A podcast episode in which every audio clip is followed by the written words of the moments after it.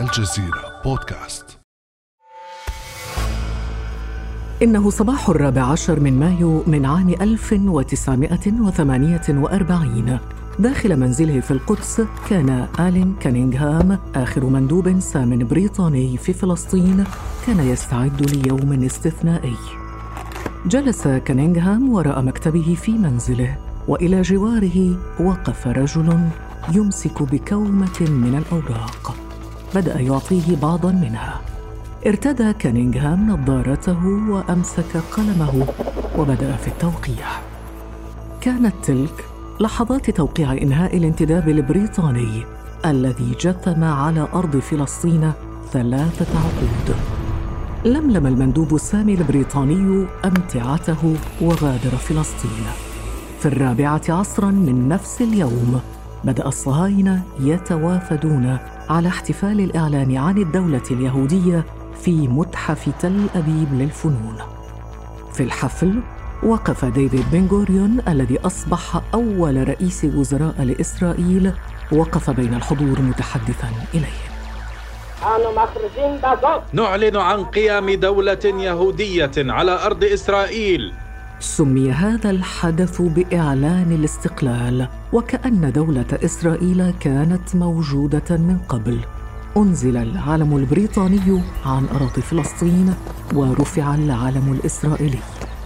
في اليوم التالي في الخامس عشر من مايو وبعد أن تمكنت العصابات الصهيونية من السيطرة على مفاصل البلاد غضت القوات المتبقية البريطانية الطرف عن دخول القوات العربية لفلسطين. وتوضح عضو الحكومة الإسرائيلية آنذاك جولدا مائير سبب تفوق اليهود على القوات العربية. قائلة السبب بسيط وهو أن اليهود الذين يقاتلون في فلسطين أي دولة إسرائيل يحاربون من أجل الشيء الوحيد الذي يملكونه إن الأمر بالنسبة لهم مسألة حياة أو موت أما العرب الذين يغزون فلسطين من الدول العربية ليس لديهم تلك المصلحة الأساسية في هذه الحرب ما الذي جرى بعد ذلك على أرض فلسطين؟ وكيف انعكست النكبة على حياة الشعب الفلسطيني ومستقبله؟ بعد أمس من الجزيرة بودكاست أنا خديجة بن جنة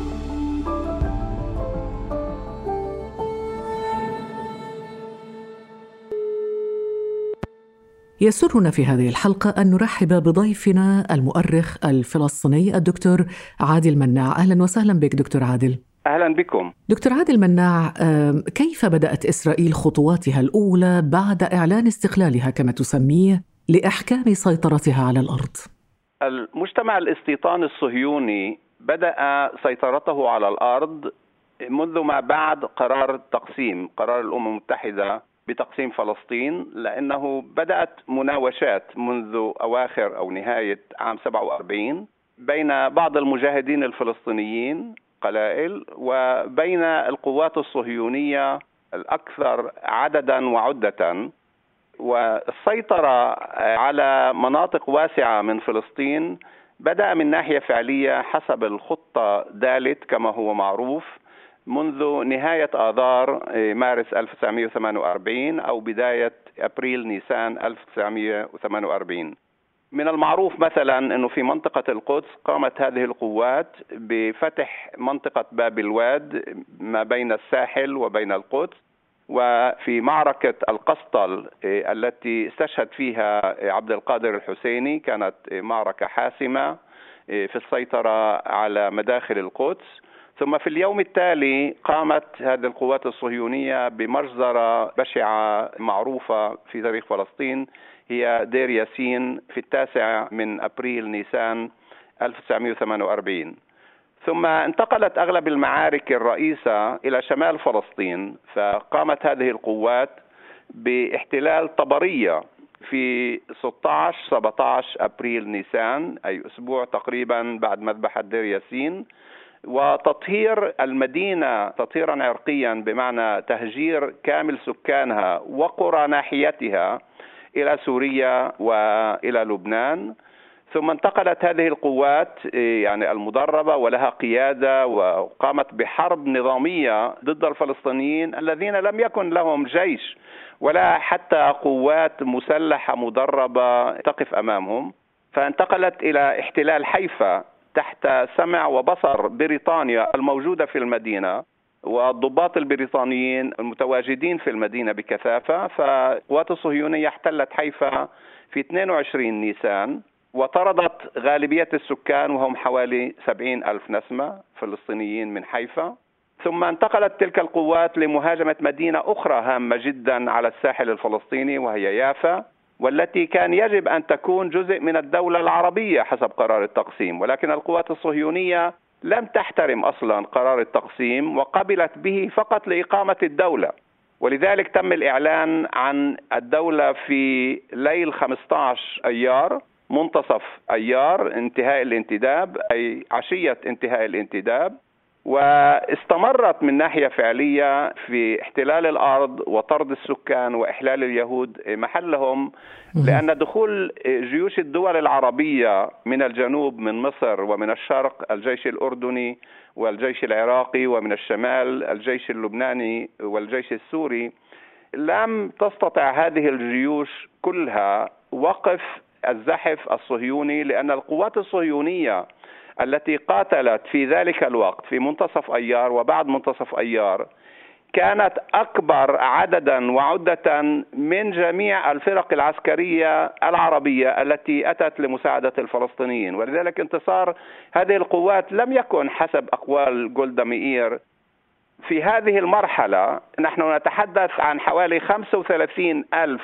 جندي محارب مدرب لهم قيادة واحدة صهيونية ومقابلهم نحن نتحدث عن أقل من 15 ألف جندي من جميع الجبهات. يعني أقوى هذه الجيوش كان الجيش العربي الأردني أو ما يسمى الجيش العربي الأردني وقيادته بريطانية. هل هناك تقديرات لها؟ يأتمر بأوامر بريطانية. كان حوالي أربع إلى خمسة آلاف جندي. هذا كان أكبر جيش وأقوى جيش عربي اللي دخل للمعركة هو أربع إلى خمسة آلاف جندي أردني. وبقية الجيوش طرق إمداداتها طويلة وخاصة الجيش المصري غير مؤهلة غير جاهزة. لنتذكر أن جامعة الدول العربية قررت دخول الحرب فقط حوالي أسبوعين. قبل دخولها ولم يكن رؤساء الأركان جاهزين لهذه الحرب. ولذلك هي كانت مسرحية حرب ولم تكن حرب حقيقية. لم يكن هناك استعداد عسكري لها. في المقابل دكتور كيف كانت القيادة الفلسطينية والعرب يتابعون هذا الوضع؟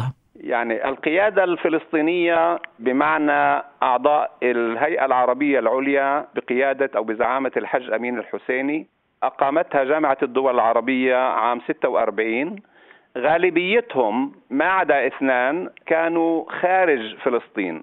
الحج أمين الحسيني ومعه عدد كبير من أعضاء الهيئة كانوا خارج فلسطين وفي القدس في فلسطين كان بالأساس أحمد حلمي عبد الباقي الذي صار لاحقا رئيس حكومة عموم فلسطين في غزة والدكتور حسين فخري الخالدي.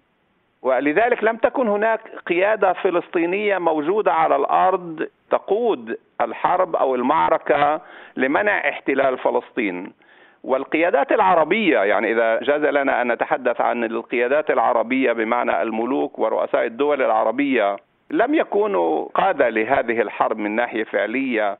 ما عدا الملك عبد الله الذي كان له اهتمام كبير في احتلال أجزاء من فلسطين، احتلال أجزاء من فلسطين وليس تحرير أجزاء من فلسطين لضمها إلى شرق الأردن لأنه أطماعه في ضم أجزاء من فلسطين كانت معروفة منذ الحرب العالمية الثانية على الأقل. ولكن على الأقل يعني ممكن نقول منذ عام 1937 قرار التقسيم الأول 1937 واللي مع بريطانيا قرر هذا التقسيم إنه إعطاء الدولة العربية أي خارج حدود الدولة اليهودية حسب هذا التقسيم إلى الأردن لحكم الأردن وليس لإقامة دولة فلسطينية. فالدول العربية كانت متقاتلة متنافرة متناحرة مع بعضها ولم تكن تقوم بحرب مشتركة متناسقة ضد العدو الصهيوني وإنما كانت تنظر إلى بعضها البعض وتناحر بعضها البعض وللأسف لذلك يعني هذه الحرب نتائجها لم تكن مفاجئة لأنه لا عسكريا ولا سياسيا ولا من نواحي أخرى كان العرب مستعدين لهذه الحرب. وممكن نقول يعني نقطة مهمة جدا أن معظم الأنظمة العربية إن لم يكن كلها كانت مؤتمرة من ناحية فعلية بأوامر بريطانية. والتي هي أساس البلاء منذ وعد بلفور حتى عام 48 نعم دكتور مناع لكن رغم وجود القوات العربية في فلسطين إلا أن القوات الصهيونية استمرت في ارتكاب المجازر من بينها جريمة ارتكبت بحق فلسطينيين في قرية الطنطورة في قضاء حيفا يوم الثاني والعشرين من مايو عام 48 عن هذه المجزرة يتحدث المؤرخ الإسرائيلي والباحث في المذابح الصهيونية ثيودور كاتس. They uh, closed all the four sides of طوقوا الطنطورة من كل جوانبها الأربعة وأغلق قارب من البحرية الإسرائيلية الناشئة الجانب المحاذي للساحل حتى لا يستطيع أحد الهرب. كان هناك جندي ومعه رشاش 9 ملم يتحرك على الشاطئ بين الرجال. ويسأل كل منهم أين بندقيتك؟ من كان يجيب بأن بندقيته في مكان ما قرب منزله كان رجلان أو أربعة يقتادونه هكذا مربوطا بحبل إلى منزله. كانت البندقية تخرج من المنزل. أما الرجل فلم يكن يظهر بعد ذلك. ومن كانوا يجيبون على الشاطئ بأنه ليس لديهم بندقية كان يطلق الرصاص مباشرة عليهم ويقتلون. هذه ليست رواية فلسطيني وإنما رواية يهودي كان في مناصب رفيعة في دولة إسرائيل لسنوات عديدة. بعد ذلك أقتيد الرجال الفلسطينيون من الطنطورة إلى المقبرة وهناك أوقفوا في صفوف وأمروا بالحفر وكلما كان الصف ينتهي من الحفر كان الرصاص يطلق عليهم ليسقطوا في الحفرة.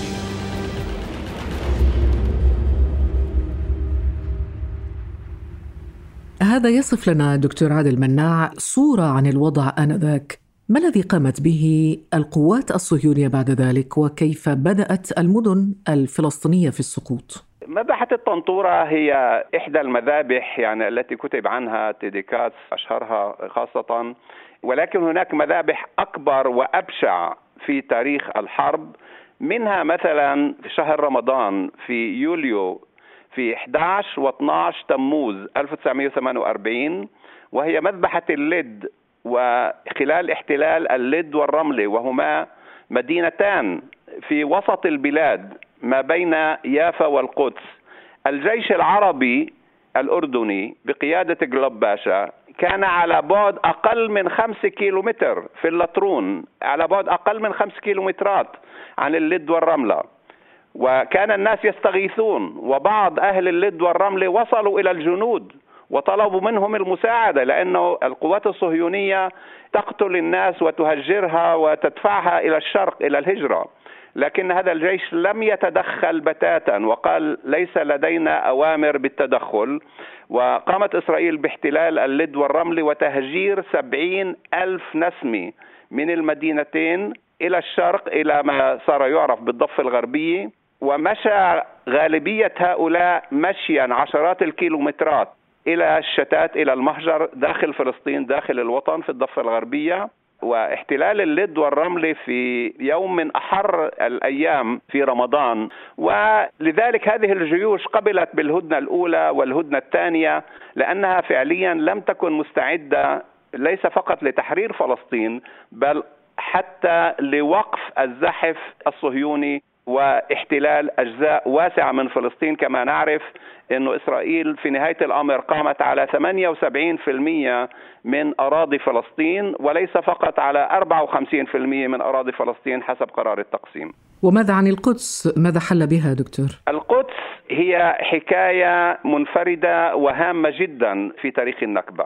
كما نعرف أن قرار التقسيم لم يعطي القدس لا للعرب ولا لليهود وإنما كان يجب أن تكون منطقة مستقلة يعني تسمى كوربوس سيبيراتوم منطقة تحت سيطرة دولية على أساس فيها الأماكن المقدسة لجميع الأديان وهي تساوي فقط هذه المنطقة يعني القدس وأكنافها وما حولها حوالي واحد في المية من فلسطين أو حتى أقل من واحد في المية من فلسطين إلا إنه القوات الصهيونية بدأت باحتلال مناطق واسعة من القدس بعد مذبحه دير ياسين احتلال القرى في منطقة القدس ثم حارات العربية في القدس الغربية أو ما يسمى القدس الغربية جنوب القدس وغربها مثل البقعة والقطمون وغيرها من حارات العربية في القدس. وبالمقابل يعني كان هناك قوات مجاهدين على أساس القدس هي عاصمة النخبة الفلسطينية والقيادة الفلسطينية والعاصمة الإدارية طبعا لفلسطين أيام الانتداب البريطاني. فكان هناك قوات مجاهدين منعوا القوات الصهيونية من احتلال البلدة القديمة ومن احتلال غالبية الحارات العربية أو الأحياء العربية. ولعب أحمد حلمي عبد الباقي دورا هاما جدا في قيادة قوات المجاهدين في القدس للدفاع عن البلدة القديمة خاصة قبل دخول الجيش الأردني، يعني الجيش الأردني عبر نهر الأردن في 15 أيار إلا إنه توقف في اريحا ثلاث أو أربع أيام ولم يتقدم إلى القدس. وكان الناس يناشدون هذا الجيش أن يأتي لنجدتهم لأنهم يخافون يعني أن تقوم القوات الصهيونية باحتلال القدس. وبعد ضغوط كبيرة تقدم هذا الجيش وقام بالدفاع عن القدس بعد عشرين أيار. مع قوات المجاهدين المحليين وأحمد حلمي عبد الباقي كما ذكرت سابقا كان من الأعضاء القلائل الذين بقوا في فلسطين وفي هذه الفترة كان وحيدا. يعني حسين فخري الخالدي أيضا ترك القدس بعد مذبحه دير ياسين وبقي وحيدا من الهيئة العربية العليا يدافع عن القدس من القيادة الفلسطينية. ولذلك لم يكن صدفة إنه جامعة الدول العربية قرروا لهذا السبب ولأسباب أخرى كثيرة طبعا أن يختاروا رئيسا لحكومة عموم فلسطين التي سنتحدث عنها لاحقا. في هذه الفترة دكتور مناع كم كان عدد الفلسطينيين المهجرين حينها؟ عندما نقول في هذه الفترة ما المقصود؟ في 15 أيار في منتصف أيار يعني حتى دخول القوات العربية أو الجيوش العربية للحرب كان هناك حوالي 300 ألف لاجئ أو مهجر فلسطيني واستمرت عمليات التهجير حتى الهدنة الأولى ثم بعد الهدنة الأولى وحتى الهدنة الثانية في تموز وطبعا لاحقا استمر. ولذلك يعني الأرقام طبعا في عندنا أرقام تقديرية وليست أرقام دقيقة 100% فمن 300 ألف في منتصف أيار ازداد العدد حتى تموز حتى الهدنة الثانية إلى أكثر من 500 ألف. وكما نعرف أنه مع نهاية الحرب قبل نهاية عام 48 كان هناك حوالي ثلاث أرباع مليون فلسطيني مهجر من قراهم ومدنهم. في هذه الأثناء دكتور كانت إسرائيل ما زالت تتوسع منذ إعلان إسرائيل ما تسميه باستقلالها عن أرض فلسطين. لم تضيع يوما دون أن تقضم فيه ارضا فلسطينية جديدة. لنستمع إلى الصحفي ديفيد هيرست وهو يصف الصهيونية واستراتيجيتها منذ عام 48 إلى اليوم. لأن الصهيونية حركة ديناميكية فقد كانوا يعلمون وقتها أن الحدود لم تكن نهائية. وأن الفرص ستأتي في الوقت المناسب. ليأخذوا الباقي. وفعلوا ذلك عام 67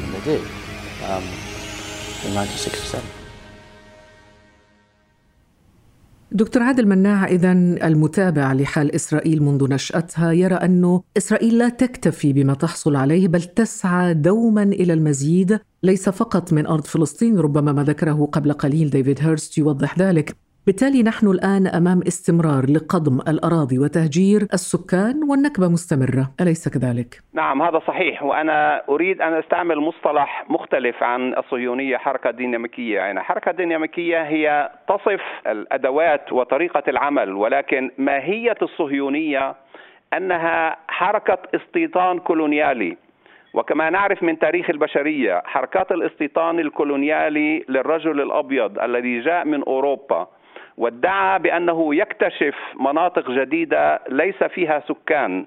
إذا كان في أمريكا الشمالية وأمريكا الجنوبية وأستراليا ونيوزيلندا وجنوب أفريقيا وغيرها وغيرها هذا الرجل الأبيض جاء إلى هناك وهدف السيطرة على الأرض وإخلاء السكان أو قتلهم لإحلال الرجل الأبيض المهاجر من أوروبا إلى هناك، والصهيونية التي قامت في نهاية القرن التاسع عشر اتبعت نفس الأساليب بمساعدة بريطانيا العظمى منذ الحرب العالمية الأولى، منذ وعد بلفور، وأقامت تدريجيا مستوطناتها في فلسطين وحتى أصبحت جاهزة لمحاربة العرب والفلسطينيين وإقامة دولتهم عام 48 فشيء مشابه حدث في كل مجتمعات الاستيطان الكولونيالي.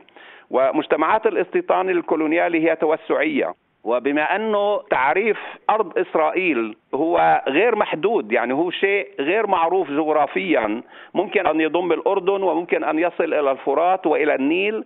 ولذلك هذه الحركة الصهيونية تتبع هذه السياسة اللي سماها هيرست ديناميكية وهي استغلال الفرص. يعني ترى متى بإمكانها سياسيا وعسكريا واقتصاديا وديموغرافيا السيطرة على أراضي فلسطينية وعربية أيضا مثل الجولان مثلا السوري. ونحن الآن يعني أمام مرحلة جديدة من هذا القضم والاحتلال وممكن يكون وراء تهجير للسكان بما يسمى بصفقة القرن. والذي رئيس أمريكا يريدنا أن نوافق على شيء من هذا النوع بمعنى أن نجعل الاحتلال قانونيا ومقبول دوليا وأن يوافق الفلسطينيين عليه وأن يقبلوا بجزء صغير من الضفة الغربية لتقوم عليه بنتستانات أو دويلة فلسطينية إذا نفذوا طبعا كل الشروط المعروفة بهذه الصفقة. ولذلك إسرائيل دائما كانت تعتمد على دولة عظمى تؤازرها حتى عام 48 كانت هذه بريطانيا. منذ عام 48 أو بعد عام 48 حلت أمريكا محل بريطانيا. ولكن في تاريخ القضية الفلسطينية يعني لم نشهد شيئا مشابها لم يحدث في الأيام الأخيرة. وهو أن أمريكا بقيادة ترامب هي أكثر صهيونية من الصهيونيين في إسرائيل وفي دفع إسرائيل إلى ضم الضفة الغربية إلى إسرائيل أو جزء كبير من الضفة الغربية إلى إسرائيل والقضاء على القضية الفلسطينية بمعنى إمكانية قيام دولة فلسطينية مستقلة في الضفة الغربية وغزة. وفي ظل هذا الواقع كيف تبدو خارطة اللاجئين الفلسطينيين وطرق تواجدهم أو أماكن تواجدهم في العالم؟ يعني هذا سؤال يثير الكثير من الأحزان لأنه كما نعرف العالم العربي يمر منذ عام 2011 بالعقد الأخير بثورات وثورات مضادة. يعني قسم منها كان في دول عربية يسكنها اللاجئين. مثل سوريا ولبنان. يعني سوريا اليوم لا نعرف كم بقي من اللاجئين الفلسطينيين في سوريا. لا نعرف كم بقي من اللاجئين الفلسطينيين في لبنان. حتى عام 2011 كنا نعرف أن حوالي نصف مليون فلسطيني يسكنون في لبنان وعدد مشابه في سوريا.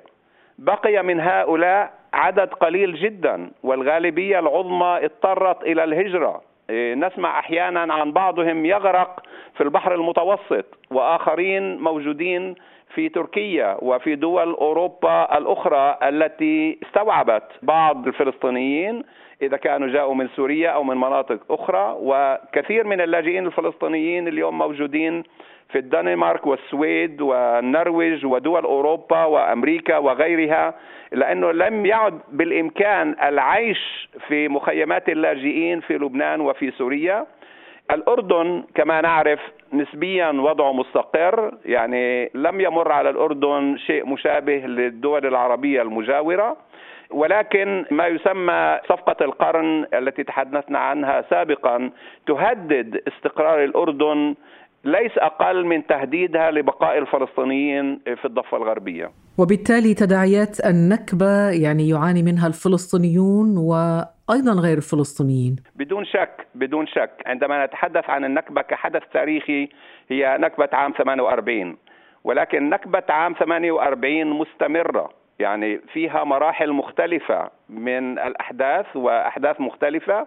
بعضها للأسف يعني علينا أن نقول إنه بعض أحداث النكبة قام بها العرب في أيلول الأسود في الأردن وفي الحرب الأهلية في لبنان وغيرها وغيرها. لا متسع لنا من الوقت لنتكلم عن كل هذه الأشياء. ولكن النكبة الفلسطينية مستمرة منذ 48 وتؤثر على العالم العربي لأن إسرائيل مع أمريكا تحاولان السيطرة على العالم العربي كله. إسرائيل لا تريد أن تسيطر فقط على القدس وفلسطين وإنما حتى إذا استطاعت على دمشق وبغداد وبيروت وعمان وغيرها وغيرها من الدول العربية. وإذا لم يتحد العرب ويوقفوا هذا التوسع وهذه الأطماع الصهيونية فإن دولا عربية أخرى ستجد نفسها مثل الفلسطينيين وستحل بهم نكبات إضافة إلى النكبات التي مرت بهم في العقد الأخير. أشكرك جزيل الشكر دكتور عادل مناع المؤرخ الفلسطيني. كنت معنا في هذه الحلقة الرابعة والأخيرة من سلسلة النكبة الفلسطينية. ألف شكر لك دكتور. شكرا لكم. يمكنكم الاستماع للمزيد من الحلقات الشيقة من الجزيرة بودكاست عبر مختلف تطبيقات بودكاست. كان هذا بعد أمس.